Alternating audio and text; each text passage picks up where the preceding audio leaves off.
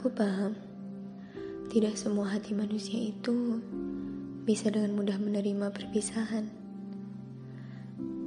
Entah sejak kapan kata pisah itu terdoktrin sebagai kata yang menyedihkan, bahkan bisa membuat orang menjadi gila.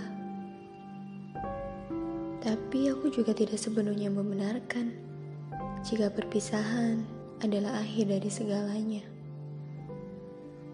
Karena berakhir itu ketika dua orang berada dalam dua alam yang berbeda.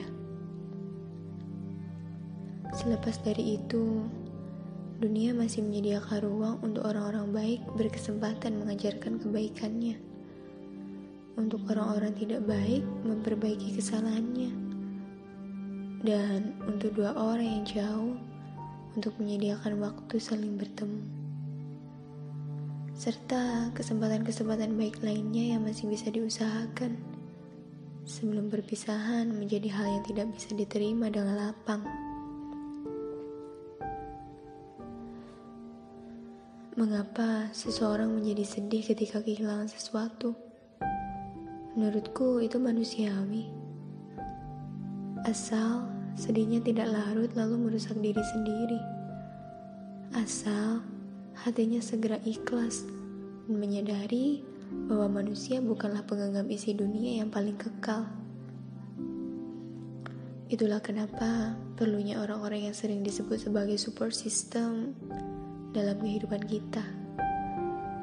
Orang-orang yang mengelilingi hidup kita dengan menyuarakan teriakan semangat yang paling lantang.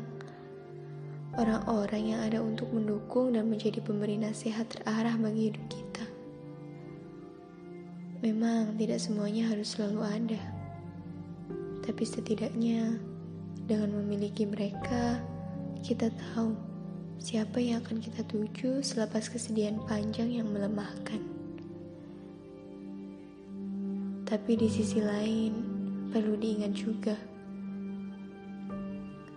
jika mereka adalah manusia, manusia yang memiliki kehidupannya masing-masing kehidupan dengan waktu yang tidak bisa disamakan kesibukannya dengan kesibukan kita. Kehidupan dengan bermacam prioritas dan bukan hanya kita yang menjadi terpenting bagi mereka.